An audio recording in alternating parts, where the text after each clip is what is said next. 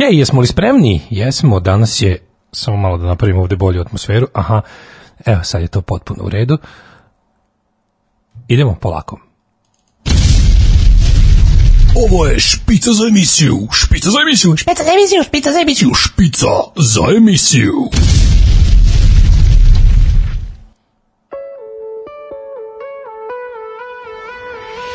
Yeah!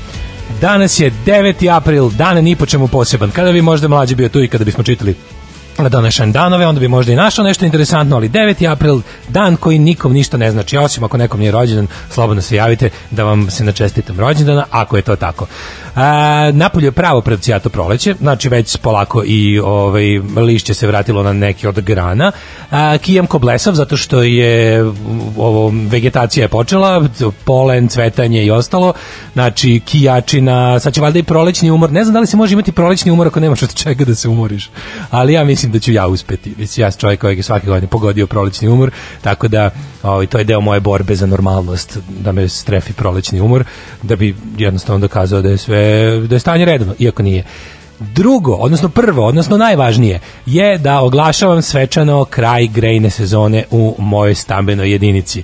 Danas sam ugasio, ove, odnosno izvukao iz, iz utičnice šuko od TA peći i za mene počinje period blagostanja i imanja love. Znači, ako nekom nešto treba, ako treba da pozemim pare, da vam kupim nešto skupo, da se bahatimo, da častim, to je sve moguće od dana kada sam izvukao šnjur iz zida.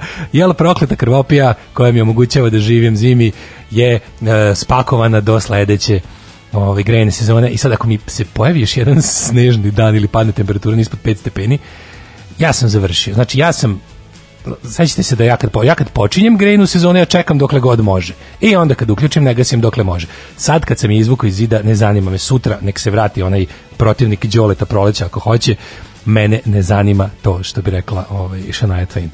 E, kaže ovako, Daško, brate, reci gde mogu na netu da se zarade neka sredstva za prevođenje. Da, da vidim koji dinar ja. Brati, kažem, ne znam, baš sin me našao sa time, ne znam, ba javite se ovi freelanceri, ne znam kako će to sad, da vidim da nemačka vlada se ozbiljno ovaj, nešto zabrinula za sudbinu freelancera i da su stigle neke čak i pare i to neke ozbiljne pare jednokratne pomoći ljudima koji su bili registrovani kao freelanceri i izgubili posao, što je neko mudro prokomentarisao na netu. Uh, nemačka vlada pomaže sve ljude koji imaju te tako blago umetničke poslove jer znaju dobro šta se desi kada netalentovanog umetnika, odnosno slikara, ovaj, grubo odgovorite od njegove slikarske karijere. Uh, idemo da slušamo Leningradske kauboje i Fat Bob Dolop. This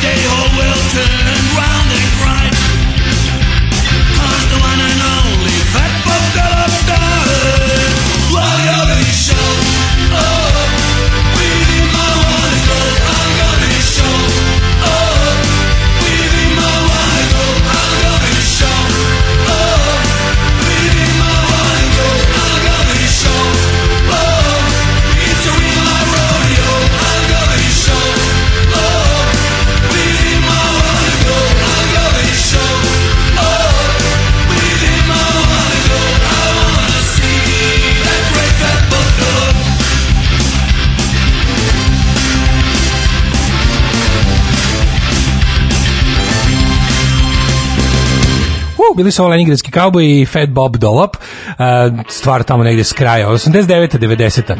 Ove, ono kad je ona, one dve godine kad je sve bilo super smo mislili da će sve biti u redu, bar ja tako pamtim taj period. 90. godina najbolja godina mog života, kako se, što je dosta tužno, verovatno nikad neće ponoviti. Mislim, kad čovjeku najlepša godina u životu, ono kad ima 10 godina, stvarno treba da se zapita kakav je to život i kako je to mesto za život odabrao i zašto ovaj, tvrdoglavo ovaj, insistira na tome. E, da li imaš novu slušalicu? Tanja, dobrodošla u Mjehur. E, e, kaže ovako. E, 9. april nije bitno koji po redu rođendan mom ocu. Jednom od vaših starijih redovnih slušalaca, pa eto ako može čestitke njemu, pošto je 65 plus u izolaciji. Ljudi moji, 65 plus u izolaciji. Prvo srećan rođendan, druže. E, druže stari, gospodine stari, kako god.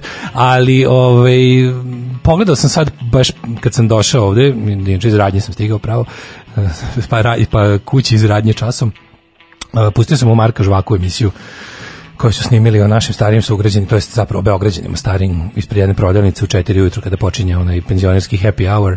Mislim, ono je stvar, ne znam da li treba to pogledati, treba pogledati, mislim, užasno me utucalo to sve što sam pogledao, ali vi znate da moj nepokolebljivi optimizam uglavnom ni na čemu baziran se ne može tako lako slomiti. I sve sam pokušao da pogledam to onako, da nađem pozitivne aspekte, da vidim kako to ide, ali zaista istine postoji, jednostavno postoji deo naših starih sugrađana koji su beznadežno porobljeni u glavi i koje nikad nikakva stvar ne može. To su jednostavno ljudi autoritarnog duha, autoritarna svest, to su jednostavno rođeni neslobodni ljudi koji ne znaju šta je to sloboda i ne mogu da nauče to sa 70, 80 ili 90 godina. Jednostavno, s druge strane, a, takvi ljudi u tim godinama zaista ne mogu značajnije da oblikuju društvo ali je stvarno jezivo i nitkovski kojoj meri režim koristi takve ljude da bi opstao. To je, to je ono što me tera na povrećenje. To je ono što me jednostavno tera da ih mrzim preko svake mere. Ne te ljude, nego te koji ih koriste. Ove, um, kaže, ubacio špicu reč grozna, tako će ti špica za emisiju i dalje biti grozna, ali će biti verodostojna. Znate šta je najjadnije u vezi te špice, ne znam da ste primetili. To što oni kao momenti gde je kao, kažem, normalnu špicu za emisiju, pa onda kažem jednim kao pitch povećanim, pa pitch smanjenim, to ja sve glumim sam, to nisam ja u sound, mislim, verovatno se vidi, ali ako neko postoji Ovaj mislim to govorim za ljudi koji recimo nisu sigurni ko je tačno porno lala. Pa, znam da takvi ljudi postoje. Ovaj pa da, to, to sam ja kao odglumio, one onaj ton više i onaj ton niže da bude još jadnije. Dakle nema ovaj nije ništa manipulisano kompjuterom. Um, da, danas je Senidahin rođendan. E, eto vidiš. Lepi moji što smo slušali Daška, slušali smo jer će od čnjura do tvoje preklade proći baš malo. Neće, ja se ne dam. Ja sam odlučio da stvarno ukoliko mili ne ispadaju oči ili nešto slično, da ovaj, istrajem u ovoj zamisli, to jest ono što je najvažnije, ja se nadam da ćemo od ponedeljka mlađe i ja ponovo zajedno raditi, sad vidjet ćemo koji ćemo termit odabrati, ali se nadam da ćemo od ponedeljka obojica biti ovde. Um, kaže, da li istina da je Zoli završio na sajmu? Da, samo što on, ovaj, on je otišao na Zagrebački vele sajam, zajebo se, on je ovaj, malo glup, on je, mislim, on je, znate da je on čovjek starih vremena, pa, pa kad je rekao idem sajam, on je otišao na Zagrebački vele sajam. E, šta da radimo mi koji radimo u firmama koje su dobre sa strankom, koje pokrivaju da su ljudi zaraženi i teraju ljude da rade sa simptomima. Evo sad mnogo ljudi ima simptome, neki su ih hospitalizovani, hoće vođe vikati na svoje stranačke drugove, medicinari rade svoj posao s, savjesnom mogućnostima. Jeste, mislim, Ajde, ove, te dnevno političke stvari, te sve komentare ćemo da sačuvamo malo za kasnije. Ja bih da vam ispričam nešto lepo kako sam se ja dobro osjećao, ovaj, zato što se desilo nešto što taj osjećaj jako volim. A to je osjećaj ovaj, koji bi se mogao ovako opisati. Volim kada su stvari koje ja volim, koje su mi drage, na koje se ložim, koje su mi onako bitne, kada osetim da su povezane, kada zapravo nađem uh, dokaz da su stvari koje se meni sviđaju sve nekako povezane, iako a, neke na izgled ono kao neke izravne veze onda tipa da, da očigledne veze nema. Šta je bilo? Sinoć sam po ko zna koji put malo ovaj pročešljavao da vidim da li sam pogledao apsolutno sve što Indi i Spartacus prave na onom svom kanalu Time Ghost. I onda sam video da ne znam neke emisije još nisam pogledao neke sitne specijale koje su remakeovali. Super mi je što su oni sad isto ovako ovaj zatvoreni u, u toj Spartakovoj kući u, u, u Bavarskoj tamo ovaj su se ono odlučili da da spašavaju svoj zdravi razum, a i poboljšaju svoj jel ovaj produkcioni status tako što su koblesevi snimali svašta, remakeovali nešto, ponovo smontirali, oko gomilo dobrih materijala su izbacili. E, ali sam uzeo posle malo da ovaj pošto znam da je Indi na ideal ovaj i super mi što me pravo ime Indiana kao i Indiana Jonesu pošto ovaj 67. godište znam da je čovjek muzičar i znam da prilike imamo sličan muzički ukus to sam već pretpostavljao ali nisam znao da on svira u dva benda koje, koje ja stvarno obožavam. Jedan od tih bendova je bend koji vam jako često puštam i koji je ono kao jedan od stvarno najboljih stvari koje sam čuo u životu. Reč je o Mani Brotheru, šveđaninu, onom Andersu Vendinu i njegovom pratećem bendu i kada sam video da je kroz jednu epizodu gde Indi pokazuje svoju gajbu gde živi, kad se vidio da ima na zidu uramljenu zlatnu ploču Mani Brother, ja sam bio fazon kao šta će to njemu i onda objasnio da je on svirao u bendu Mani Brother klavijature i to u onom razdoblju kada su snimili po meni najbolji albume. On se ja toliko bio srećan što što su sve što ja volim kao ima neke direktne veze. Do, uvek me obraduje taj bolji život momenta. Znate se u boljem životu svi poznaju Ove, u boljem životu se svi poznaju, poznaju preko najviše jedne osobe, eventualno dve. To je ta teorija malog sveta. I onda mi je bilo potpuno genijalno i tako sam bio srećan kada sam shvatio da su, ovaj, ne znam, kao, muzika koju slušam, e, kanal koji pratim na YouTube-u najpomnije i finansiram ga našim zajedničkim novcima, e, tema koja mi je bliska, a to naravno drugi svetski rat i sve oko toga, istorija iz tog perioda i ljudi koji to prave da to da u stvari da smo svi deo one one scene koje koje ovaj koji pripadam ceo život. To me nekako juče baš osokolilo. Bio sam radostan toliko da sam zaboravio da primetim da nam uvode ceo policijski vikend. A drugo što mi nije jasno tačno je jel to sada, mislim da mi neko objasni ko je bolje shvatio od mene, jel mi sad od petka, od sutra u pet popodne do ponedeljka u pet ujutru je policijski čas ili, ili je to nije mi jasno to proglašeno, je li to ozvaničeno, je li to negde je to objavljeno negde ili je to i dalje samo ovaj Vučićeva pretnja nama, tako da ovaj ako možete ako ste to shvatili bolje mene, molim vas da, da objasnite meni, a i svima ostalima koji nisu baš dobro razumeli. Sad ćemo slušamo Go Betweens. Evo malo, ovaj, danas sam odabrao A, prvo, za, za, dao sam sebi jedan dosta ovako velik zadatak, zato što znam da, da tema koju ćemo danas u drugom tamo, u drugom satu ono tema dana kako ja nazivam će da bude onako baš onako dao sam sebi veliki zadatak da pričam o jednom čovjeku koji ljudima puno znači pa bi želeo da mu ono da uradim to kako treba. E, a što se tiče muzike, odabrao sam sve neke tako fine pes, pesmičice, pop rock, e, 60. E, pa onda pri, prijetne i ženske vokale i tako svašta. Pa ajde da krenemo sa Go Betweens.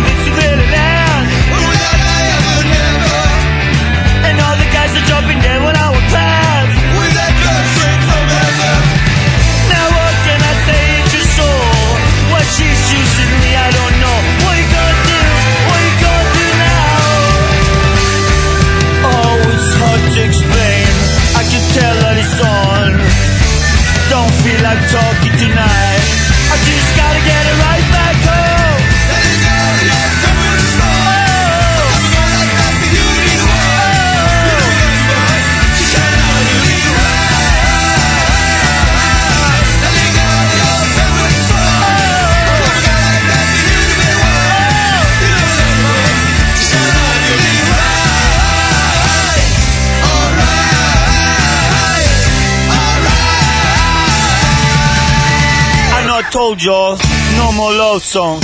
My little girl straight from heaven. E, ovo je bio Mani Brother i ovo je jedan od tih albuma i pesma na kojoj naš dragi Indi Najdel svira klavijature. Stvar se zove My Little Girl is Straight from Heaven uh, s albuma To Die Alone. Pre toga smo slušali Gobi Twinsa i Streets of Your Town. Uh, vlada je zvanično donela naredbu o zabrani kretanja preko vikenda, dakle sutra od uh, pet popodne do ponedeljka u pet ujutru, mislim, znači je jasno da je ovo jedno potpuno besmisleno iživljavanje, da su čak epidemiolozi rekli da je ovaj e, da je zabrana kretanja moguća da se donese samo u mestima koja su žarišta, da nema smisla da se to radi na teritoriji cijele zemlje, da nema smisla toliko traje. E, ali šta da radimo? Mislim, kao što rekao smo, um, pošto, je, pa, pošto je situacija globalna i pošto je pandemija u pitanju, ono, teška srca i onako pokriven, pokriven ušima, kažem, dobro, izdržat ćemo i ovo, poslušat ćemo i ovo. Ali strpljenje je pri kraju. Um, kaže, šta reći za ono fekalisanje kona o političkom pitanju vezi Aleksandra Vučića i Pazara s kojim nema veze, mrzim politički korektne mudrosti. Da, mislim, juče sam pročitao jedan interesantan tekst koji je napisao ovaj, doktor Radovanić, koji inače jako cenim, da je on onako u, u danasu je, prvo ovako, jako sam se čudno osjećao nakon čitanja tog teksta i tokom čitanja samog teksta. O, interesantno je naravno da tako, tako stvar može čitati samo u danasu i nigde više. E, doktor Radovanović je iz ove cele situacije, dobro, ok, on je, on je spada u tu najrizičniju grupu, čovjek ima skoro, ja mislim, 80 godina, on je baš zaista veteran naše epidemiologije i uopšte te ovaj, e, preventivne medicine. A, a i interesantno je da su recimo svi ovi koji sad čine krizni štab su e, ili njegovi studenti ili doktorandi, odnosno on im je bio mentor kod njihovih ovaj, doktorskih radova. I sad kao jel stari profesor koji ceni svoje mlađe kolege, on je njih branio.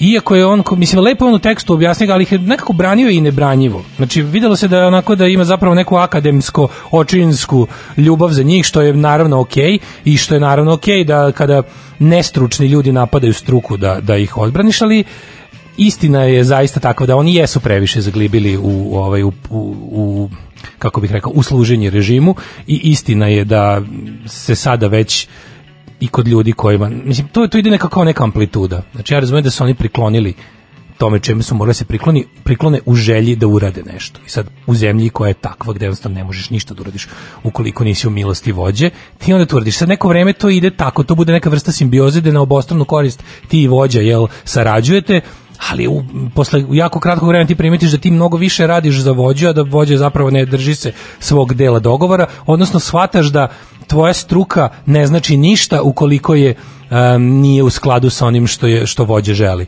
I onda ti pokušavaš zapravo tu ono kao ono pokušavaš da raznim lukavstvima i, i, i gaženjem po sopstvenom uh, liku i delu pokušavaš da uradiš nešto dobro. S te strane ja razumem sve te ljude koji sede za Vučićevim stolom u, u kriznom štabu.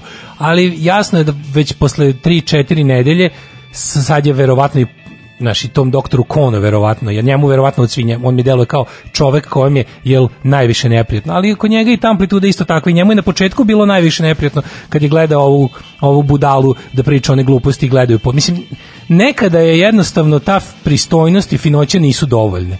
Nekad je, mislim, ja sad stvarno ne bi da budem ono kao uh, da jel iz, iz, iz, iz moje pozicije koja je jel, mnogo kako bih rekao, manje odgovorni ja, od, od mojih odluka, ne zavisi niči, niči života, niti situacija, ali znaš, kada prođe dovoljno vremena i vidiš da jednostavno ovaj e, ti više ne možeš da nadmudruješ vlast da uradi nešto pametno. Mislim, tužna je situacija u kojoj se ti već nađeš da moraš da se nadmudruješ s nekim da oni urade nešto što je ispravno posle četiri nedelje bi svakom već trebalo da bude jasno tako. I sad u tom tekstu je on napisao, zato što čovjek koji je napadao to je opet još jedna onako tih logičkih zamki života u, u, u društvenoj i političkoj zbilji Srbije.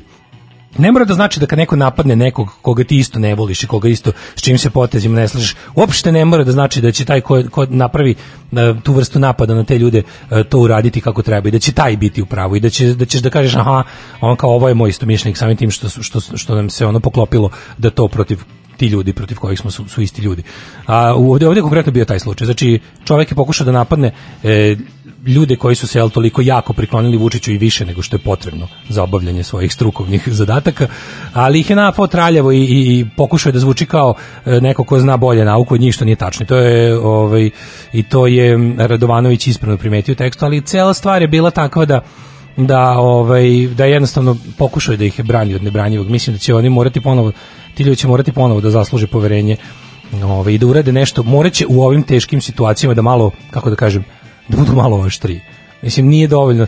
Ako doktor Kon smatra da je uvođenje policijskog eh, čas, policijskog vikenda na teritoriji cele zemlje prevelik, pre- mera koja pod jedan neće pomoći, a pod dva naštetit će na drugim frontovima društvu, mislim da to treba onda jasno i glasno da kaže, a ne da sve uvek bude kao ono, ali eto ne bih da se mešam u političko vođenje države. Mislim, ako si član kriznog štaba, mislim da imaš i pravo, a boga mi i dužnost da nekad budeš malo, kako da kažem, da se malo bolje čuješ i jasnije da se čuješ. Ove, em, E, pa kaže ovako. Čekaj, ima bio jedan interesantan, jedna interesantna poruka koja je došla između dve emisije, treba ih da pročitam, zato što je napisao neko ko se razume. I ovaj e, a tiče se kompre, kom, kom, ovaj, konkretno one fame o respiratorima koja je postala jel centar naše priče. Respiratori, borba za respiratore, aspiratori, karburatori i ostalo koje je Vučić tako ovaj neumorno ovaj, nama nabavlja. E, to što Vučić priča o respiratorima toliko. E, samo govori, a jebem ti ovaj program koliko me nervira, znači jednom ću ga stvarno razlupati. Izvinjavam se, znači to što Vučić toliko priča o respiratorima samo govori o tome koga savjetuje i šta zna ta struka oko njega. Respirator ne garantuje da se pacijent oporavlja. Um, kada razvije ARDS i respiratornu insuficijenciju, bude intubiran i stavljen na mehaničku ventilaciju pluća, a kada su pluća loša kao kod COVID-a, razmjena gasova se i dalje ne obavlja adekvatno. Bez obzira što mu preko respiratora daješ 100% kiselnika, ako treba, a ne 21 kao što ima u vazduhu, evo ti pitanje za razmišljanje. Koliko je pacijenta u zemlji Srbiji skinuto sa respiratora? To jest koliko ih je ekstubirano nakon COVID-a? Da li su živi? Koliko ljudi koji su dospeli do respiratora su zapravo sa respiratora i uspešno skinuti? Ja mislim da je zaista reč o manjini ljudi, respirator jeste ovaj, nažalost poslednja mera i to znači da su pluća već onako. I drugo što neko reče, ovaj, respiratorom ne rukuju samo tehničari u našoj zemlji isključivo anestezijolozi, a u svetu i intenzivisti, subspecializacije intenzivne medicine, koja kod nas još ne, još ne postoji. A, mogu biti anestezijolozi, internisti, infektolozi i neurolozi, znači prva intubacija, da, to je znači uglavnom ljudi koji su ljudi koji su na respiratoru su u anesteziji, znači i intubirani su i za njih ovaj mašina radi disanje i ubrizgava im se kiselnik zato što prvo pluća su nisu više jaka dovoljno da napumpavaju ispumpavaju da vrše razmenu gasova a i, i ne uzimaju dovoljno kiselnika iz vazduha i da zato im se daje jel ovaj elementarni kiselnik E, kaže, on preko tubusa se povezuje sa respiratorom, čije modove ventilacije određuje takođe anestezijolog. Da, mislim, kad smo rekli tehničari oko respiratora, to je bila samo naša, to je vjerojatno moja, um, oko da, ovaj, e, laička, laički naziv. Ko kad se naljute e, ko kad se naljute far, farmaceuti, kad kažem prodavac u apoteci ili prodavačica u apoteci, mislio sam na ljude koji obslužuju respirator, ma kog nivoa stručnosti bili, a evo videli smo da mora da budu dosta visokog nivoa. E, idemo sa malo u 60. pa ćemo da se vratimo u groznu realnost. Opet malo, fuj.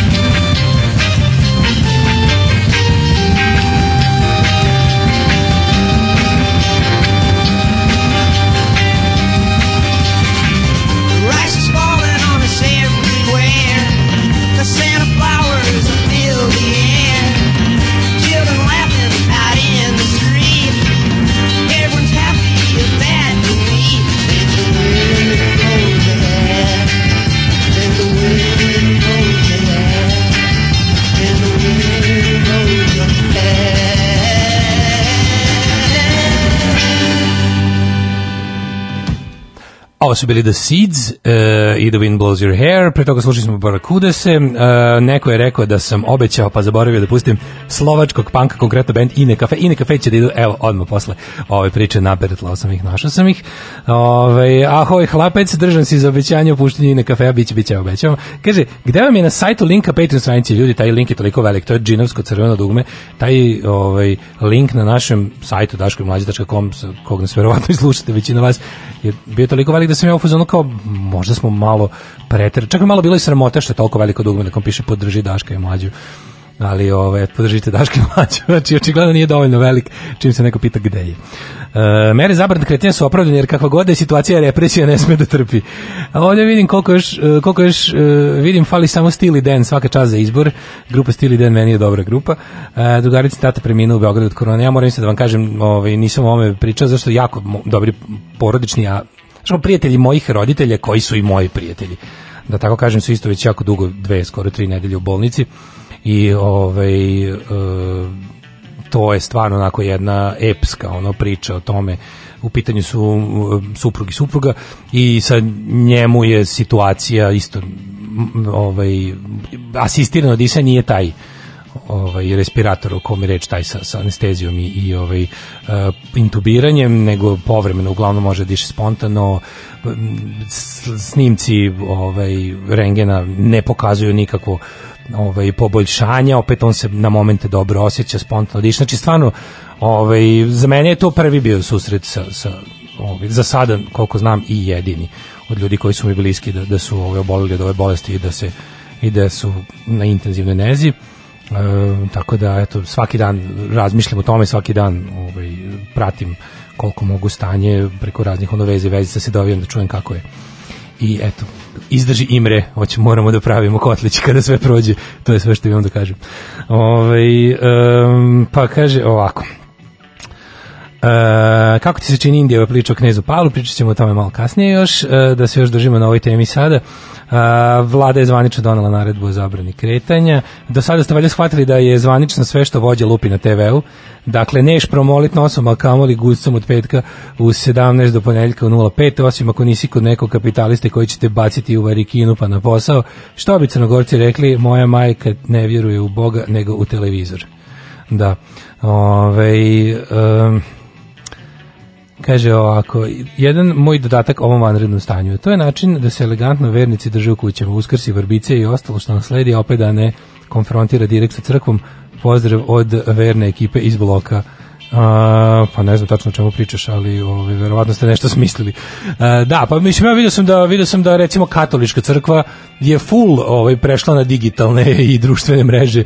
Tako da ovaj vidim da se njihove religiozne i verske službe u potpunosti ne odvijaju nesmetano papa se obraća vernicima preko raznih ono načina no, preko interneta mislim da eto on je zapravo najbolje iskoristio ja kada bih recimo bio u poziciji da savjetujem crkvu kako da se prebaci u 21. vek mislim i uvek od toga da je cela njihova priča bazirana na bezučnoj laži koja je lako proveriva. Ali ajde da recimo sad to po hiljiti puta abstrahujemo i da me neko unajmio da im dao mi masne pare da im kažem kako. Ja bi stvarno rekao njima, pa da, kao sve ovo skladuje sa Božijim planom i Bog apsolutno može da funkcioniše kroz Skype, Facebook, Twitter, Instagram, TikTok, šta već. Mislim, to je onako, na kraju krajeva sve što postoji na ovom svetu je ovaj, kako bih rekao, Božije delo, mislim, Bog delo, tako da nema uopšte potrebe da dolazite svi na trg Svetog Petra da vam ja odgore kapljem, o, možete svi kod kuće da budete, mislim, što bi neko rekao, znaš, ono kao šta da im radim, kad neko, kad neko želi da bude varan i lagan, neka bude varan i lagan, ovaj bezbedno po ostatak okoline. Ono što sam ja video u ovom snimku Marka Žvaka, njihovom poslednjem uredku, kojem je stvarno, moram priznati, da svakih nekoliko dana se dese stvari koje mene, onako, tamo kad mislim da sam nešto navikao, da će jel sad samo sve ostalo biti samo održavanje ili čuđenje ili će zapravo da vodi ka tome da se manje čudim. Ovo uvijek se desi nešto što te, što te pogodi, ne znam zbog čega da, nemam pojma zbog čega sam toliko osetljiv na, taj, na taj prizor izgubljenih i izmanipulisanih starih ljudi, kad ja zapravo nikad nisam to imao u svojoj blizini. Što moji roditelji, moji one babi dada dok sam ih imao su bili po- potpuno atipični, nisu nikad bili deo te penzionerske mase ni na koji način, mislim, nikad nisu bili ti ono ni vernici vođe, ni vernici, ni ništa, Mo, moja, ono kao moja mama je u, u glavi moja vršnjakinja i tako to sve, ali za nekako ne znam zašto me pogađaju ti ljudi s kojima nema za- zapravo nikakve direktne veze, kad ih vidim tako kao ovce i kad ih vidim tako mm, nekako poplašene i čak i kada pričaju kao zlikovci su mi na prvom mestu tužni. Prosto sam izgubio mogućnost da ih ono da ih ne volim, čak i kada govore teške gluposti jer taj prilog Marke Žvake počinje sa jednim dedom koji sve zna, koji je ono bukvalno deda koji je pregledao ceo Balkan Info sa, i prosto mi je neverovatno ono što me začudi je taj neki isto ono gotovo mislim opet se vraćamo na Orvela ta dvomisa, ali dvomisa u pravom smislu, u Orvelovskom smislu, ne ono mogućnost da sad znaš da može i A i B u nekim situacijama, nego da su A i B suprotstavljene, a u jednoj glavi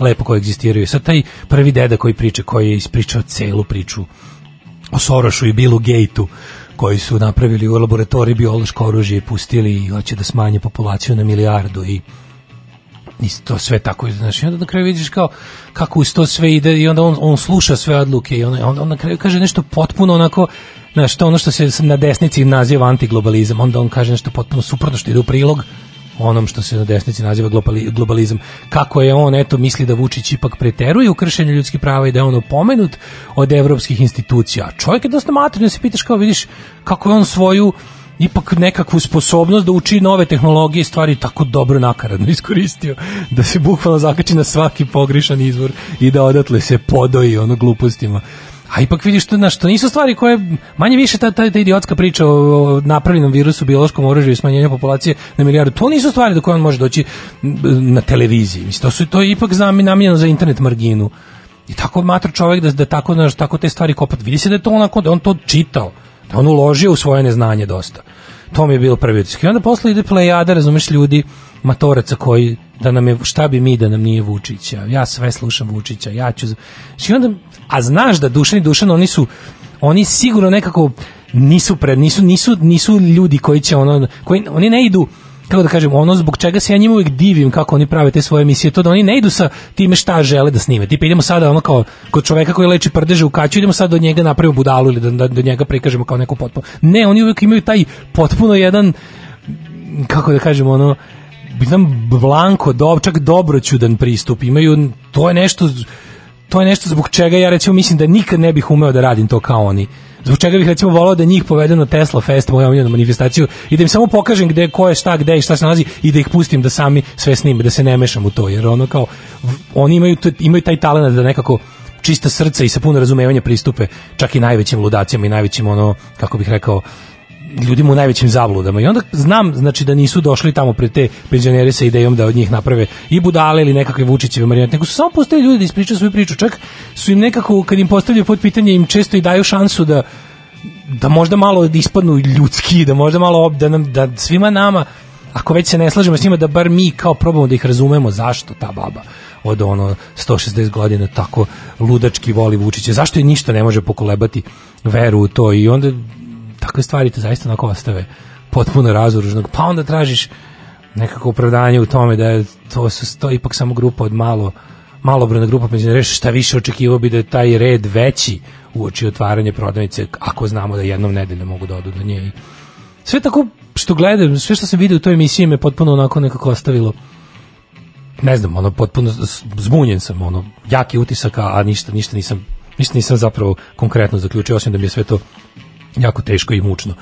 Ali ono što mi je bilo bez svake sumnje, onako što me je pogodilo, je bilo ono bukvalno Vučićevsko ponavljanje stari ljudi koji su spremno dočekali tu tu idiotsku lagariju o, o, ono pogotovo troje njih troje ili četvoro njih je ponovilo priču o tome kako su nas e, ljudi iz inostranstva zarazili svojim dolaskom ovde i kako je nama zbog toga najteže na svetu i kako je to mislim teško mi neko bilo kad- kada sam vidio da su u potpunosti prihvatili te Vučićeve talking points jedan kroz jedan prosto je fascinantan način na koji on to na koji oni to za, za ovaj nauče da, da, da ponove kao recitaciju Ajde slušamo sad slovački punk i ne kafe. Kao što sam obećao, ja sam čovjek koji ispunja obećanja kad god mu to nije teško.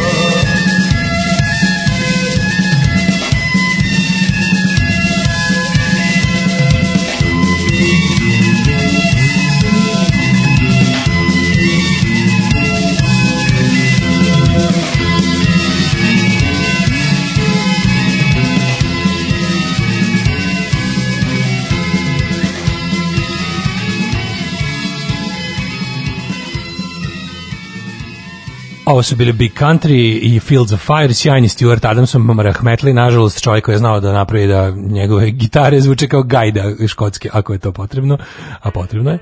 Ovaj, um, da, kaže ovako, to što ti ne veriš da je korona napravljena da se uništi pravoslavlje i Srbe zadrži za sebe, mi svi znamo da se Soroš lično postavljao 5G antene sa obogaćenim uranijumom po Srbiji, pitanje za struku, da li 5G izaziva migrante? da, na Vulin je isto jedno dočekao uh, vest o tome kako je vojska morala da puca u vazduh jer je jedan migrant pokušao da pobegne iz prihvatnog centra. Uh, to sam vidio poslednje preko što sam krenuo od kuće. Pa onda ovaj, mogu da prisustvujem času šta sam propustila, ništa kao i uvek može da prisustvuje s času naravno.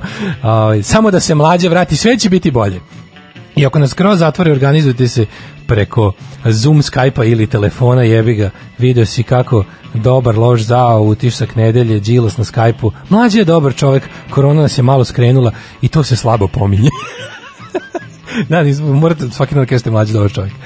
Um, kaže, Vučić junior navodno koronirao, da, ovaj, da, mislim, znači sa, potpuno je fenomenalno to, mora se odati priznanje da stvarno njihovi, njihovi tim savjetnici medijski koji rade za režim i koji rade pomnio sa Aleksandrom Vučićem, njegovi ti medijski kreatori, ima tu zaista teške diletante poput Krstića koji stvarno ne zaslužuje 768.000 evra ovaj, naših para. Mislim, to stvarno, to stvarno bačene pare. Nije u redu. Stvarno nije u redu. I kad se ima, ne treba baš toliko da se prosipa na takve gluposti. Ali... Da, medijski imamo, juče, ste, juče sam pričao o tome da je potrebna za kraj ove, ove cele priče, znači polako sve zemlje prave izlazne strategije s tim što normalne zemlje i, i, demokratske zemlje prave izlazne strategije za, za ljude, privredu, društvo. Kod nas režim pravi izlaznu strategiju za sebe i pričali smo o tome da je neophodno da kao i svega ostalog da iz ovog se izađe nekakvim trijumfom, nekakvom pobedom, nekakvim simboličkim činom koji će da ovaj pokaže kako je eto Srbija pobedila i sve te gluposti, to patriotsko sranje i patos kojim će nas zasipati za kraj jednostavno posle ovoliko grđanja mi moramo za kraj od vođe dobiti neku pohvalu i ču, čućemo kako smo svi zajedno ovo prebrodili. Mislim, to će se desiti pre ili kasnije. Ali je recimo, ovaj, pričao sam o tome da je apsolutno znajući, pozn- poznavajući njihov medijski ovaj, metod, nešto tako, mora da bude nešto na ličnom nivou, mora da bude a sad pošto znamo da Aleksandar Vučić ne može da izuzi ovaj odsustvo iz javnosti toliko dugo jer nema ko da ga zameni u njegovoj u njegovom najbližem okruženju i da drži sve te konce u rukama tako čvrsto. A, poslužit će i jedna topla ljudska priča kojom prisustvujemo od sinoć. Videli smo koliko su se ovaj koliko se kako oni to zovu internet tim srpske napredne stranke u- odmah upalio da napravi atmosferu jel ovaj opet izdajnika da ljudi koji ne podržavaju i koji vide kroz laži i providne gluposti režima da ih odmah nazove bezosećenim svim onim imenima gadovima neljudima svima nama koji se ne primamo na, na te ove španske serije koje nam oni ovaj uz u jednoj ruci španska serija, u drugoj u ruci Pendrik, pa sad ono kao Pendrik za sada ne možemo da im izbijemo iz ruke, ali bar ne moram da gledam špansku seriju i ne moramo da cmoljemo zajedno sa njima na njihove providne ovaj, medijske manipulacije.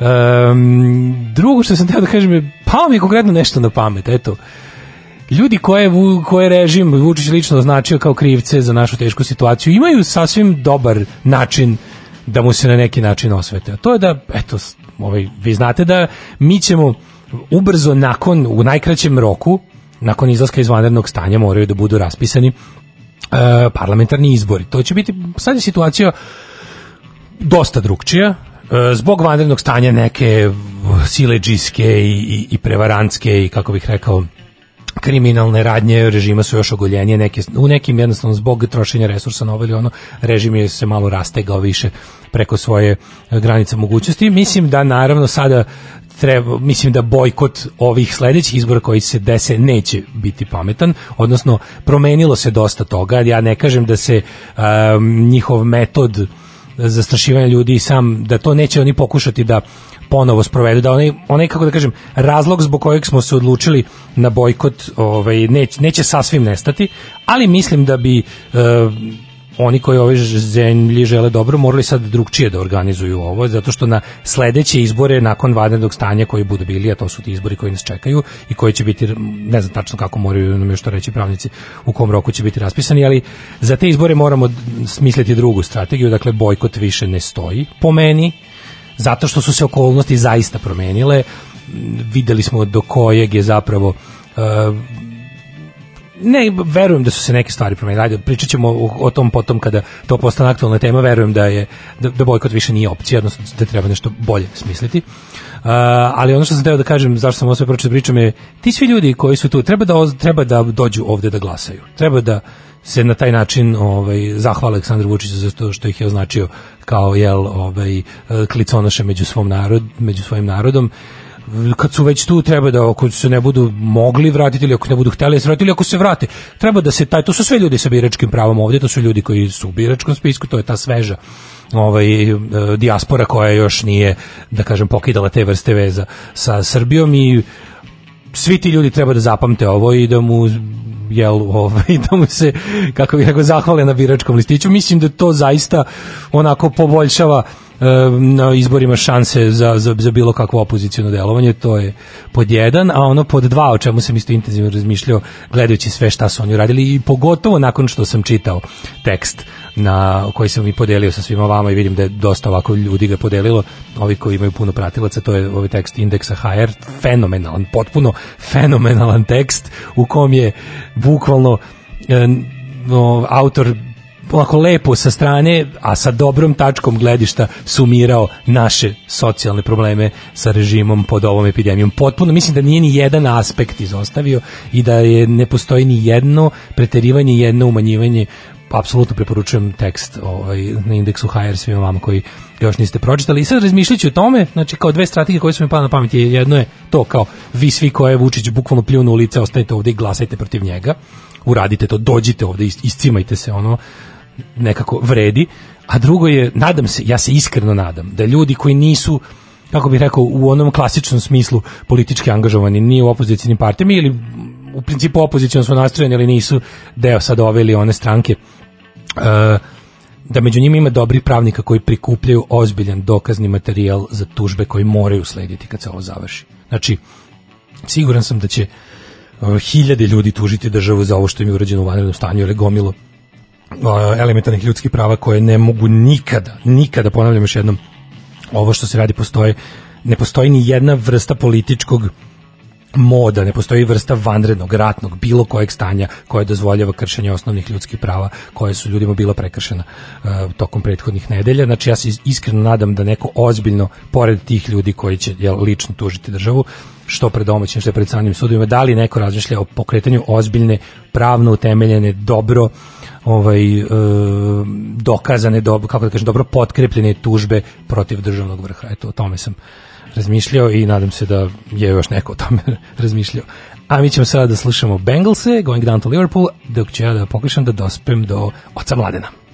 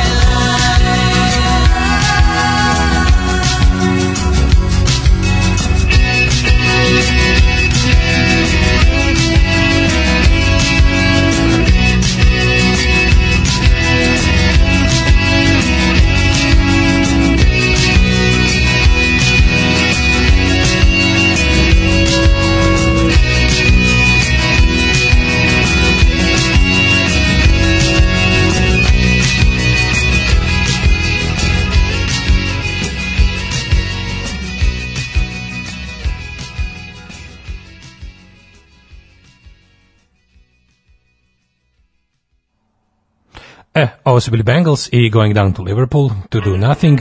Um, telefoni bruje, zuje, naš ovaj, otac mladen prljave ruke svoje pere. Baš, baš sam ga nazvao bio, kaže, u nezgodnom momentu i evo sada ovaj, pokušat ću ponovo. Uh, zovem ga, e, tu je. Evo, odmah ću da ga uključim. Dobar dan. Dobar dan, dobar dan, to sam Uzdarević. A, Stan uh, Jolly. da, mogu se, Breda bi molio, ako, ako, ka, nije tu, a izvinjam se. Zdravo, Daško, ovaj, e, knjiški Rusman ime. e, kaži mi, mlade, odmah da, odmah da te pitam kako te zatekla ova verovatno najgore vest koja je ovaj, pogodila, to je da je Bernie Sanders izašao iz trke za predsjednika. Jeste, dosta mi je teško to, bo ja sam se jako zabrinuo za njega da nije zbog bolesti. To je prvo Nije zbog bolesti, ali moram ti kažem, baš sam se skenio. To mi je bilo baš onako jedan od, mislim, ja sam znao da on gubi i on je već verovatno izračunao da to ne može. On mi nekako, ali opet, znaš šta, ostala je nada. Ostala je nada od Vermonta do Novog Sada. Koje ćemo pevati, ovaj, kako se zove, kad ga budu spuštali. Nisam to teo da ti, te sam drugo sve kažem, meni je, teško mi je, znaš, jer ovaj, mislio sam da je on ipak čovjek koji će izdržati sve to, ali čini, mislio sam da nije luzaro naprotiv, da mu je osmeh light motiv, ali izgleda da nije, izgleda da se čuje, zašto se povukao, šta se desilo? Pa mislim je izračunao to? je da ne može više stigne Bajdena, znači kad bi terao do kraja samo bi to bilo trošenje para, ovaj je uzeo previše ovih um, Znam, ovih ja electoral gubio votes, od tebe, primary ovaj, votes. zove, pa ja sam od tebe u, u, ovaj, u kuglanju, pa sam igrao do kraja, mislim, kako Znam, ali to ništa nije koštalo, znaš, fore o tome što je to Da, bilo, upravo si. osim, osim što je Da. bilo mučno za gledanje. Jeste, jeste, jeste. Ovaj kako se zove pravo si ili recimo ako bi ja ovaj bio čovjek osetljiv, verovatno bi mene koštalo živaca. Tako da da, pravo si. Ako košta nešto, onda je možda bolje da se povuče. brineš li, brineš li za Danila? Kako da ne, kako da ne. Ja se brinem, iskreno Za prvog sina da Srbije, za prvog sina Srbije. Pa ne, mene brine sad sledeća stvar, kako će se promeniti sada ovaj, u odnosu na to, jel da, jer je zakucala, je medved, mečka došla po svoji zakucala vratak, kako će sad, sad će sada novo smisliti kao Mislim da je ovaj, to, ja, ideju. ja iskreno ti kažem, mislim da je ovo shvatio, mislim da je ovo kraj, da će kada, kada ovo, kada, kada mali pobedi to sve i kad bude triumf, da će to da ujedno da bude i kraj vanrednog stanja. Čini Pa ja se nadam da hoće, iskreno ti kažem, meni je već ovaj, dosta ovog svega, ja sam počeo da ovaj, krečim i da farbam ogradu. A, vidiš ti to, znači da- gelender od ovoga e, terase biće koje boje? Cela terasa će biti redizajnirana, znači dematerializirana i ponovo materializirana. Znači uzeo sam da sređujem a, tri u jedan farba, a, grafit siva, sjajnići u kombinaciji sa zelenim a, ovaj, biljkama koje ću planiram da gajim, a koje će biti potpuno legalne. Da, Tako da. da znaš da će to izgledati jako fantastično i kad se to sve završi i prođe ova boleština užasna i ovo vanredno stanje, ja ću te pozvati da pojedemo po pasulj na moj terasi. Svaka ti čast, prdećemo Popijemo po po pasulj, pa stave prdež fale. slobode, prdež slobode neka se prolomi Prdež limanom. slobode, tako je. Dolazim ti kao prdež slobode, pokaži šta znaš, dolazim ti kao prdež slobode da te vodim ravno do dna. Pevao je pesik, Jeste. Ove, Branimir Štula Johnny, koga povolimo, jako i poštujemo. Kaži mi šta ti radiš, kako tebi izgleda ovih sama dana, sa, kako šta radiš u studiju, da kažeš li? Evo pa vidi interesantno je da sam potpuno gol. Znači to ljudi ne znaju. To znam, Jedina komšinica preko puta koja dolazi već treći put da istrese stonjak ne bi li se nagledala moje nenormalne obdarenosti. Kaži, molim te, da li si doneo i svoju iguanu i da li s njom mlatiš? Mislim, ne znam da znate, Daško ima i e, ženku iguane, a, ovaj kućni ljubimca od skora i to je neverovatno. Kad, kad je izvadi, pa ona pravi haos. To je Jeste, ludilo. onako rapava i slatka. Ove, i to sam ti kažem, pa to ne znam da je slatka, nije meni baš i nije, ali kažu da je pravo čudovište. evo neko mi, neko mi zvoni na interfon, verovo ili ne. Sad ću da, ne, sad ću da im ne otvorim, ono. Ali sam teo da ti kažem, dan, danas sam, ovaj, um, verovo ili ne, sam izvadio uh, mom onom eksternom mačku peri, gluvom peri, sam izvadio tolikog krpelja da mi se povraćalo. Mi veruješ da je krpelj bio veći od zrna graška, odvratan je. Nikad tako nešto odvratno nisam video. Znači kad sam ga probušio, kad sam ga zgazio, izašlo je pola litra krvi iz njega. To je nešto najodvratnije što sam video ove godine.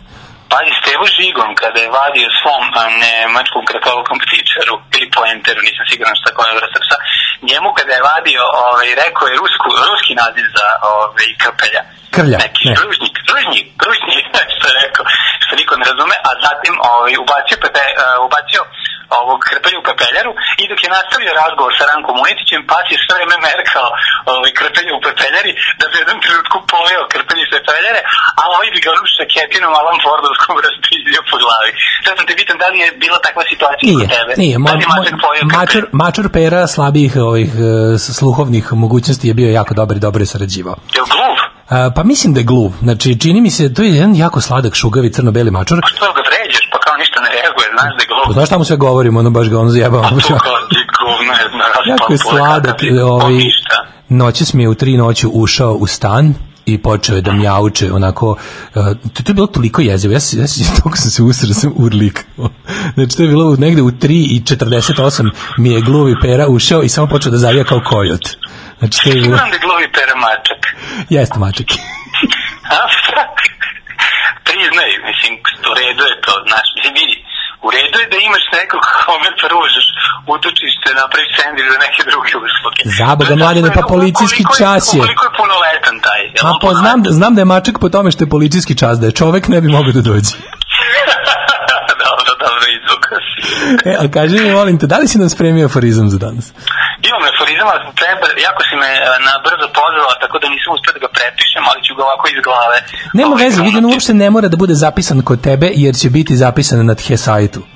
Pa znam, ali ono želeo bi da budem jadan, uspešan u svojoj jadnosti. Ti ga Ovako posle zapiši, preslušaj na da podcastu, pa ga tačno. stvari ne mogu to običnim tokom misli da se da se uradi. Ja moram ti kažem, ja, ja kad pišem aforizme, ja se obučem u sivo tetino delo. Aha, Ja se obučem u sivo pradedino delo, uzmem olovku koju zašiljim ovim, ovim, kako se zove, mm, Oližeš žiletom. oližeš. Žiletom, znaš, onako žiletom naravno. zašiljim je, e, i onda pišem na trgovačkom papiru. Jedino tako mogu da budu dovoljno jadni. I ovako oližeš olovku. I onda je vratiš Da, za uvo. naravno. Kad završiš, vratiš Oližem, za je to uvo. verovatno jedino što ću taj dan olizati, jer se od aforizama ne živi. Tako je. Tako da, ovaj, tako izgleda moj, zato je to sve tako dobro. Ja, moram, ja uđem u tog lika, razumiješ? To je kao neka, jel, znaš kao recimo kada, kad Hulk, ono se iznervira pa postane Hulk 10 puta jači. Ja postanem Da. 10 puta jadniji. To je to je obrnuta transformacija. To je neki jadni heroj, kako bi rekao. Na jedan Znaš, smrznutog leba i ovaj, da, od prekjuče. smrznuti hleb, moram, moram da otvorim za rezervirati da program smrznuti hleb da vidim mleko u kesi i pretvorim se u aforističara. E, Izvoli, tako izgleda. mladene, sada, ajde. Da, evo. Umesto običanih, čekaj, tuf, tak, tak, tak, običanih 100 evra, prvi i najbolji nam je poklanja voucher za domaću robu u vrednosti od 100 evra. Izgleda da nam je opet uvalio muda za bubrege. Tup, Ujebote. Aj zdravo, čao. Ja vas još jednom izvinjavam. Slušamo Towers of London.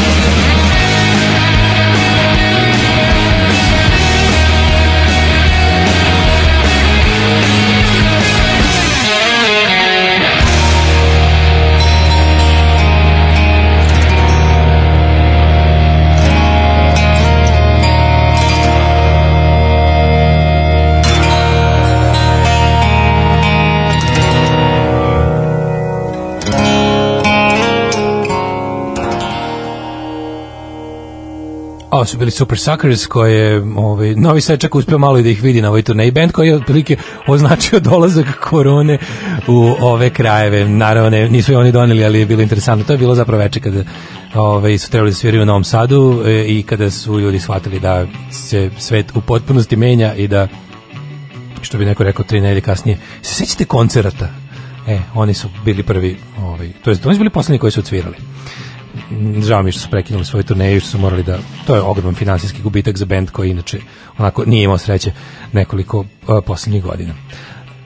Danas ću da vam pripovedam o jednom od mojih omiljenih pesnika, pisaca, pevača, um, šta je on još bio, onako renesansni čovjek, a mislim, moram da priznam da ovom nisam baš nešto mnogo originalan, jedan onako veoma voljen čovjek i ovaj, umetnik. Reč je o Leonardu Cohenu.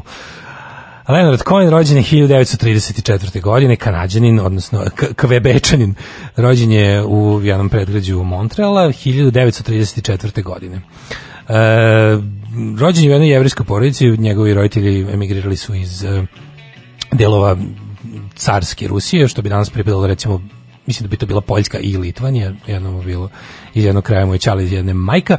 I uglavnom rođen u jednoj onako ortodoksnoj jevrijskoj porodici da se dosta držalo do ovaj, e, nisu bili ono što se kaže secular Jews, nego su bili baš ortodox Jews, odnosno držalo se dosta do religijskog rituala i e, mladi Leonard, kome je srednje ime Norman, verovatno najgore ovaj, ime na engleskom jeziku, Leonard Norman Cohen, e, mladi Leonard je, je ovaj, onako vaspitavan u, u judaističkom duhu sa puno religije sa pohađao je sinagogu, držali su se gotovo svih tih ovaj em, kako bih rekao postulata vere. Em, takođe je išao i u jevrejske škole sve do recimo univerziteta kada je je otišao na univerzitet građanski što bi se reklo i tu negde u tim godinama e, on počinje da razvija svoj interes za konkretnu muziku i ona pravi svoj prvi bend koji se zove Buckskin Boys i koji je bio onako on, on, on i još nekoliko drugara su svirali uh, akustere i slične akustične instrumente, da li banjo, znači tako bila to neka folk folk onog vremena, onaj te, tako folk skiffle band koji je ovaj pokušavao da svira i popularne melodije tog perioda plus bio on pokušavao da piše neke pesme. E, I to je obeležilo te njegove prve ovaj, muzičke godine, ali on u principu želeo e, od uvek na ovaj način želeo da bude e, pisac romana i pesnik. I jednostavno zbog toga što je bio iz prilično dobrostojeće porodice, imao je mogućnost da se ovaj, nikada nije morao da brine za vlastitu egzistenciju u tom smislu, dolazio je iz dobre kuće i mogao je da gura taj svoj san ovaj, bivanje pesnikom i uopšte, je kod njega jako interesantno, on je nikad nije krio tu i to se meni kod njega zapravo jako dopada, nikada nije krio tu svoju ovaj, rešenost da bude umetnik, bojem i pesnik po svaku cenu. On je jednostavno sebe nekako gurao u to. E, postoje jednostavno ljudi koji su prirodno dali onako sve to što je vezujemo uz pesnike, onako su jel kao malo isključeni stvarnosti na svoju ruku, često autodestruktivni, mračni, blesavi, uopšte, znate on kad kaže, on je tako malo umetnik, kao znaš, Lujka pesnik. Leonard Cohen je vrlo racionalan čovjek koji se ceo život manje više, što on sam priznaje svesno, gura u razne vidove iracionalnosti. On je kod sebe hteo da probudi jednostavno svoju bojimsku stranu, koju nije verovatno ni genetski imao, ni onako kulturološki, ali kažem, dolazi iz jednog stabilnog doma. Njegov otac držao je fabriku i prodavnicu odela i sam je rekao da mu je, na primjer, nikada mu e, jednom usađena e, od strane oca e, navika da se dobro oblači, da nosi sakoje, da nosi košulje, da nikada, na primjer, ga nije napustili. On je ceo svoj život i kad je to bilo moderno i kad nije zapravo bio ono sharply dressed young man i, i kasnije older man.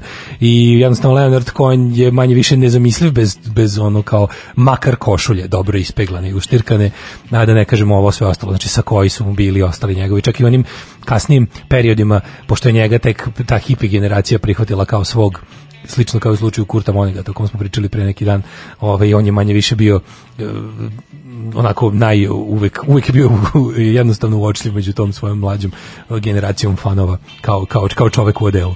E, pokušao je da da bude e, prvenstveno pesnik i novelista i knjige koje je napisao u svojim tim e, do svoje recimo 20 i neke godine. Napisao je jedan roman, napisao je posle još jedan roman, e, jedva je našao izdavača za to, nije postigao zapravo neki veći uspeh. E, u nekim zatvorenim kanadskim literarnim krugovima je i bio nešto malo onako ovaj zapažen, ali to sve nije dovelo ni do toga da on može da živi od toga, ni do toga da se to e, čita u, u, što bi se reklo u širim narodnim masama, takođe bavio se isključivo poezijom, e, jedno vreme je bio odustao od ideje da, tu, da toj poeziji dodaje ovaj muziku i da to ne budu poems nego songs.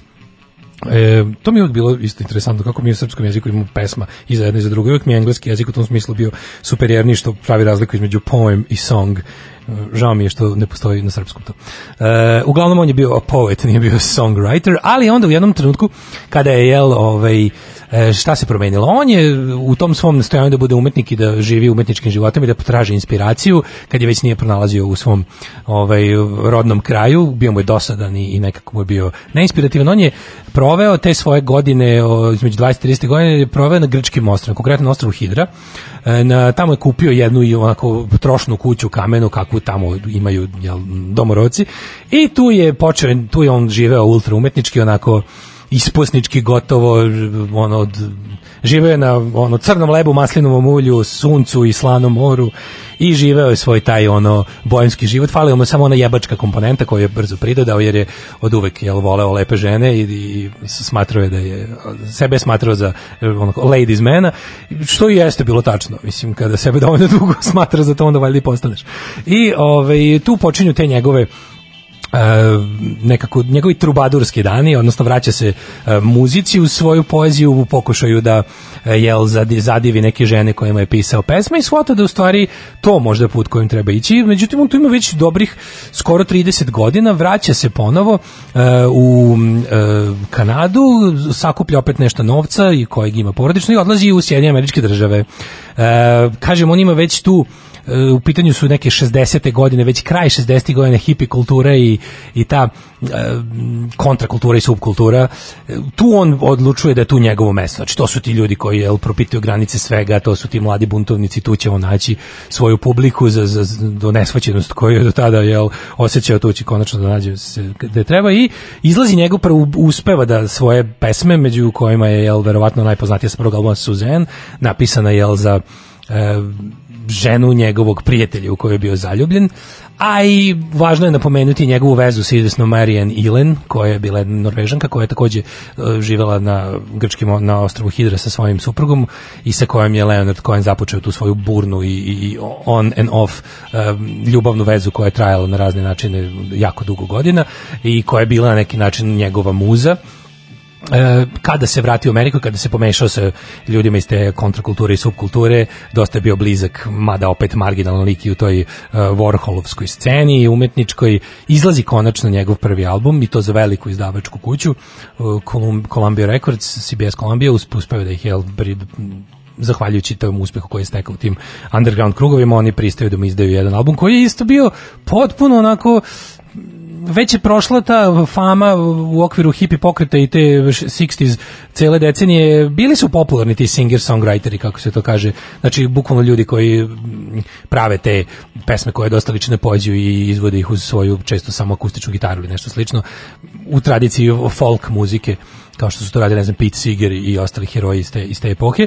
Uh, on izdaje album onako prilično na kraju tog talasa i jedva da se ušlepao na, na tu scenu i taj album opet postiže kultni uspeh, odnosno Columbia Records prodale tamo dovoljno primjera kada ga ne proglasi za finansijski neuspeh, ali nisu baš bili onako srećni da ga zadržavaju dalje ukoliko im ne obeća da će se pomeriti dalje. E, ajde da ovdje sad napravimo jednu malu ovaj, muzičku pauzu da čujemo tu stvar Suzanne sa, sa njegovog prvog albuma.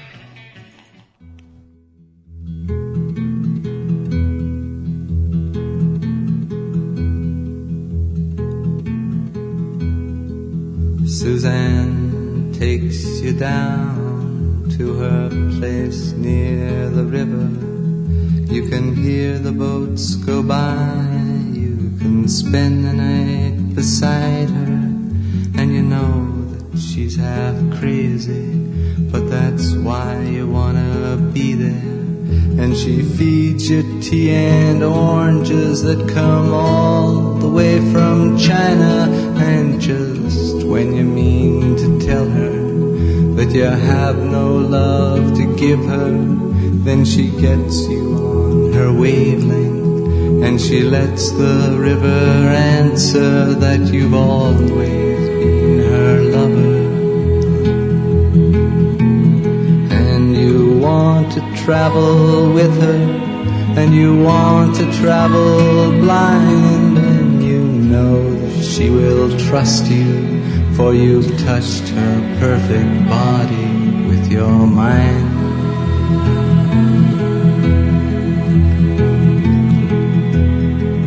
And Jesus was a sailor when he walked upon the water.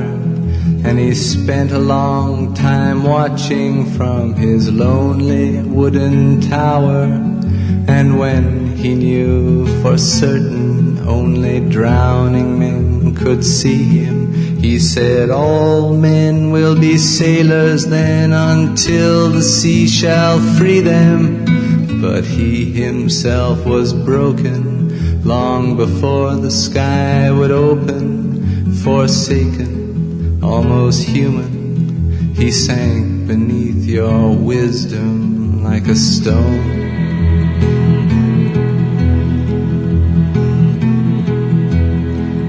You want to travel with him, and you want to travel blind, and you think maybe you'll trust him, for he's touched your perfect body with his mind.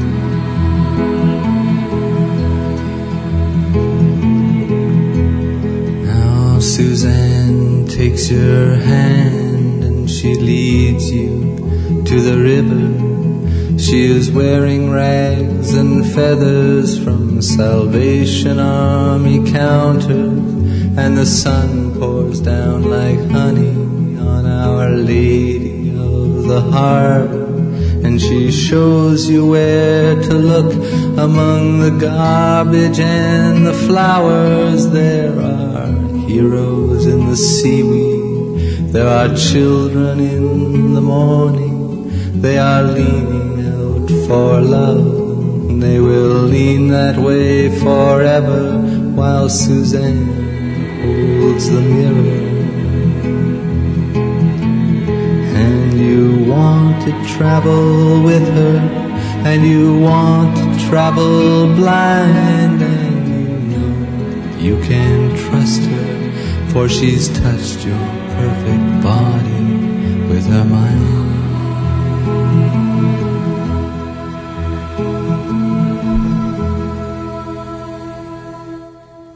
Evo je bio Leonard Cohen s njegovog prvog albuma Songs of Leonard Cohen eh, iz 1967. Suzanne, verovatno najpoznatija sa tog, ima tu još ovaj pesma, uglavnom kroz 70. koje su nakon ovaj, tog prvog albuma sledile i albume poput Songs from a Room, Songs of Love and Hate, New Skin for Old Ceremony, Death of a Lady's Man, to, to je bio to faza Leonarda Cohena u kojem se on jednostavno tako onako provlačio se na jednoj onako donjoj ivici poznatosti, a, bio je kultni svuda u svetu, svirao je po raznim popularnim festivalima, Isle of Wight, Monterey Jazz Festival i ostalo. I b, jednostavno bio je onako Uh, taj jedan čudni uh, lik rapovog glasa koji što je što je bilo stariji glas mu je sve onako dobijao na dubini i na, na, na rapovosti što je samo dodavalo na kvalitetu njegove muzike. Jedna zaista izuzetna poezija pretočena u pop pesme kako to zaista niko nije radio i u to vreme bilo dosta kolega u tom smislu, ali je zaista on odskakao. Od njih i bio je drugčiji u svemu, e, bio je neka vrsta antizvezde, godila mu je slava, godila mu je popularnost, e, uvijek sam volao njegovu izjavu koju je rekao, devojke kojima sam maštao sa 18, imao sam ih kad sam imao 30 i 35 ove, tako da bio je u svakom smislu late bloomer i kroz te 70. provokao se onako gradeći svoje ime, imidž i postao sve više taj neki onako e, kako bi ga nazvao, a da, a da ne pogrešim, pa neka kao vrike stara kuka pop scene koja nije dugo na njoj. I onda je u 80. godinama, kada se sve menja, sve, mislim da rapidna promjena društva između 70. i 80. taj, ti neki stari ideali, uh, zanos levičarski uopšte taj čiji on bio u svakom slučaju deo onako i ponašao se dosta onako partizanski i romantično revolucionarno bio je heroj levice izgledao je m, tako kao um, da onako pozemljivao je svoje ime i, i, i, i, i glas raznim ovaj um, ciljevima koji se mogu nazvati levičarskim i će bio pritom i naravno ovaj veliki ovaj podržavalac Izraela što ga je činilo kontroverznim u tim krugovima tih godina. E, 80. kreću, počinje ta neka japijevska sebičnjačka kultura i potpuno neverovatno Leonard Cohen se tu dobro snalazi. Zapravo 80. počinje njegov pravi komercijalni uzlet, što je jako čudno. Znači, gotovo 15 godina od početka e, karijere on dobija priliku da um, postane miljenik velikih medija, znači da postane onako um, da postane ono on- lik koji preko televizije ulazi u, u kuće ljudima. I njegov menja se njegov muzički izraz. Znači onako dosta prihvata savremene elektronske instrumente njegovi albumi od 80-ih a tu mislim tačno može da se odredi faza u njegovom radu. Ako bi podelili cijelu njegovu karijeru na tri muzičke faze prva bi bila ta jel eh, hippie folk trubadurska akustična gitara i vrlo malo drugog nečeg. Eh, osim te možda saradnje sa Philom Spectorom koja je mogla da ga košta života, jer je Phil Spector bio potpuno lud i često bi mu zdržao pištolj ovaj, uperen u njega da ga natera da otpeva nešto kako je to on zamislio kao producent. I taj njihov album Death of a Ladies Man je potpuno sulud, meni se dopada, ali Leonard Cohen sam kaže da se uvek useravao kada se seti rada njemu i da je ozbiljno ovaj, molio diskografsku kuću da ga spase iz pakla rada sa Philom Spectorom. To bi bio kraj te faze, počinje 80. gde je taj kao pop um, pop, elek, el, mislim elektronski ne u smislu kao što su to bili bendovi nastali iz jel, ovaj, tog nekog synthesizer synth pokreta, nego ta neka pop muzika 80-ih, onaj easy listening zapravo, koji je njemu jako dobro legao i album je poput I'm Your Man i pogotovo uh, uh, Various Positions iz 1984. na kojoj se nalazi i verovatno njegova najpoznatija pesma, pesma koja je najviše obrađivana, pesma koja njegovim fanovima najviše znači, pesma Aleluja, koja ima dve verzije, mi ćemo je čuti malo kasnije, jednoj od tih verzija, odnosno baš u toj albumskoj verziji, to 80. godine njega ustoličuje onako kao jednu pop kulturnu ikonu, mainstream uspeh, zarađuje pare, konačno biva bogat sopstvenim radom i sopstvenom slavom. Um, i na primjer interesantno je da se pojavljaju pojavljivaju kao glumac do duše epizodni u nekim filmovima i serijama. Meni je najdraže možete pogledati na YouTubeu verovali ne u porocima porocima Majamija se pojavio kao francuskog French Canadian neki dealer droge koji dolazi u Miami da obavi neki, neki posao kupovine narkotika. I onako odmah se vidi da je on čim progovori to je dosta interesantno i a, čak i MTV koji onako nije bio poznat od tih godina od 85. pa do recimo 90 rani 90 nije bio poznat kao baš uh, promoter muzike koja je starija od samog MTV uvijek su gledali da promoviš ono što je hit i što je mladalačko i, i u trendu mu je onako otvorio svoju ovaj svoje svoje talase i postoje poznati među mlađom publikom iz- ranim 90-im izlazi taj njegov album koji se zove Future iz 92. a, na kome se nalaze mnoge pesme koje su ništa manje mračne, introspektivne i onako Leonard Cohenovske kao i sve ostale, ali iz nekog razloga nalaze novu publiku koja inače ne sluša takvu muziku. E, doprinelo je tome i pojavljivanje njegovih pesama kao važnih Um, ne samo što se pojavilo u filmovima poput uh, Natural Born Killers koji je bio zaista veliki hit Olivera Stona, nego što te pesme zaista imaju veliku ulogu u tom filmu. Nisu samo uh, kao neka muzika koja je iskorišćena u filmu, nego, nego se vidi da je Oliver Stone imao pesme Waiting for the Miracle i, i Future na pameti kada je, kada je zamišljao te scene tog filma. E, znači sve je bilo potpuno do, dobro i Leonard Cohen u tom trenutku bio blesav kakav jeste i ono što je važno napomenuti za njegov rad, a možda sam nisam dovoljno naglasio, to je, to je prisustvo religije i religioznog načina razmišljanja koji je meni uvijek bio kod njega potpuno uh, pa u neku ruku fascinantan zato što naravno ako isto znate o meni to je da sam dosta militantni ateista ali kod njega je ta religioznost isto bila kao i njegovo boemstvo vidi se da je da se puno potrudio da ostane religiozan jer kada vidite njegovu poeziju njegovo shvatanje čitate njegove intervjue i vidite njegov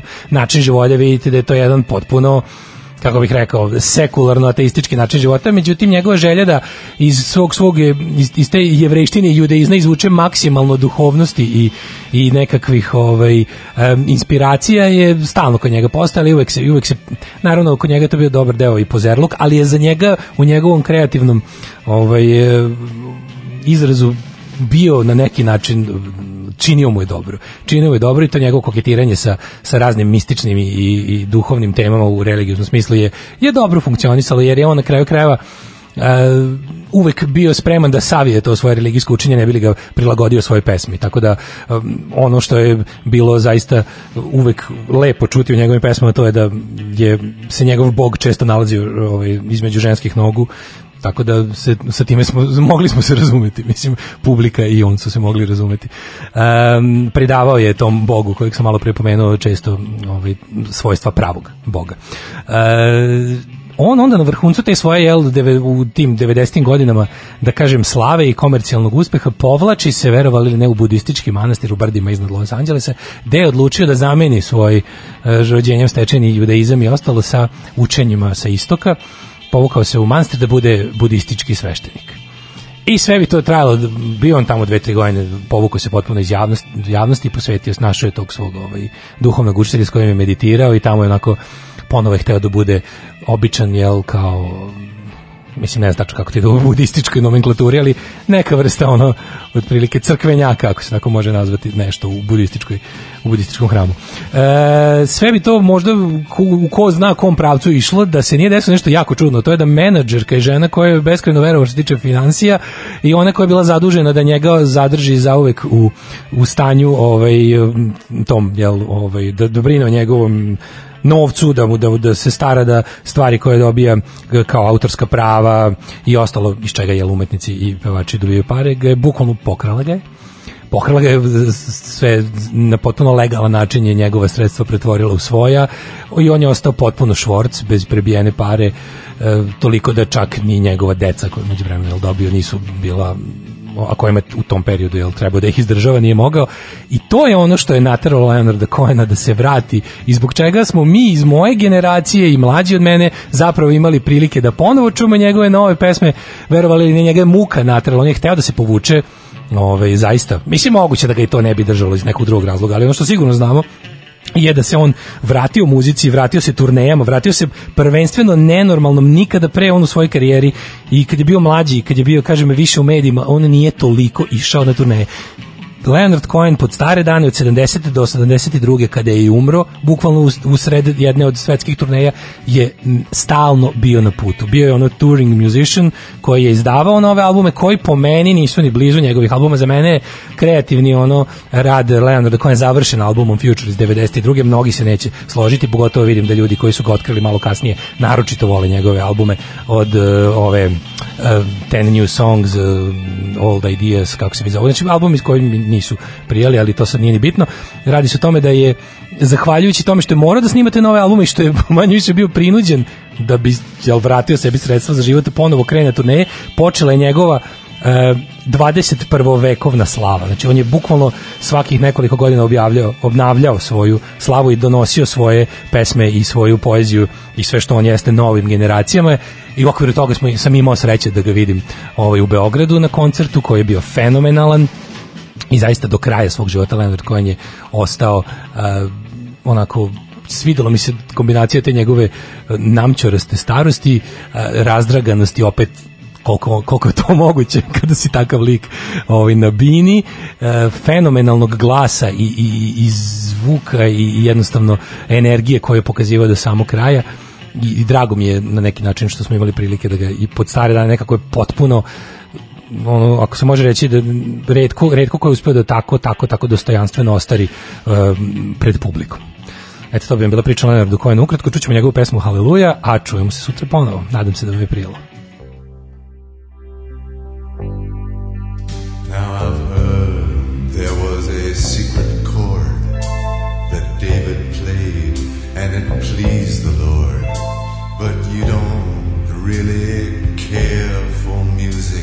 do you?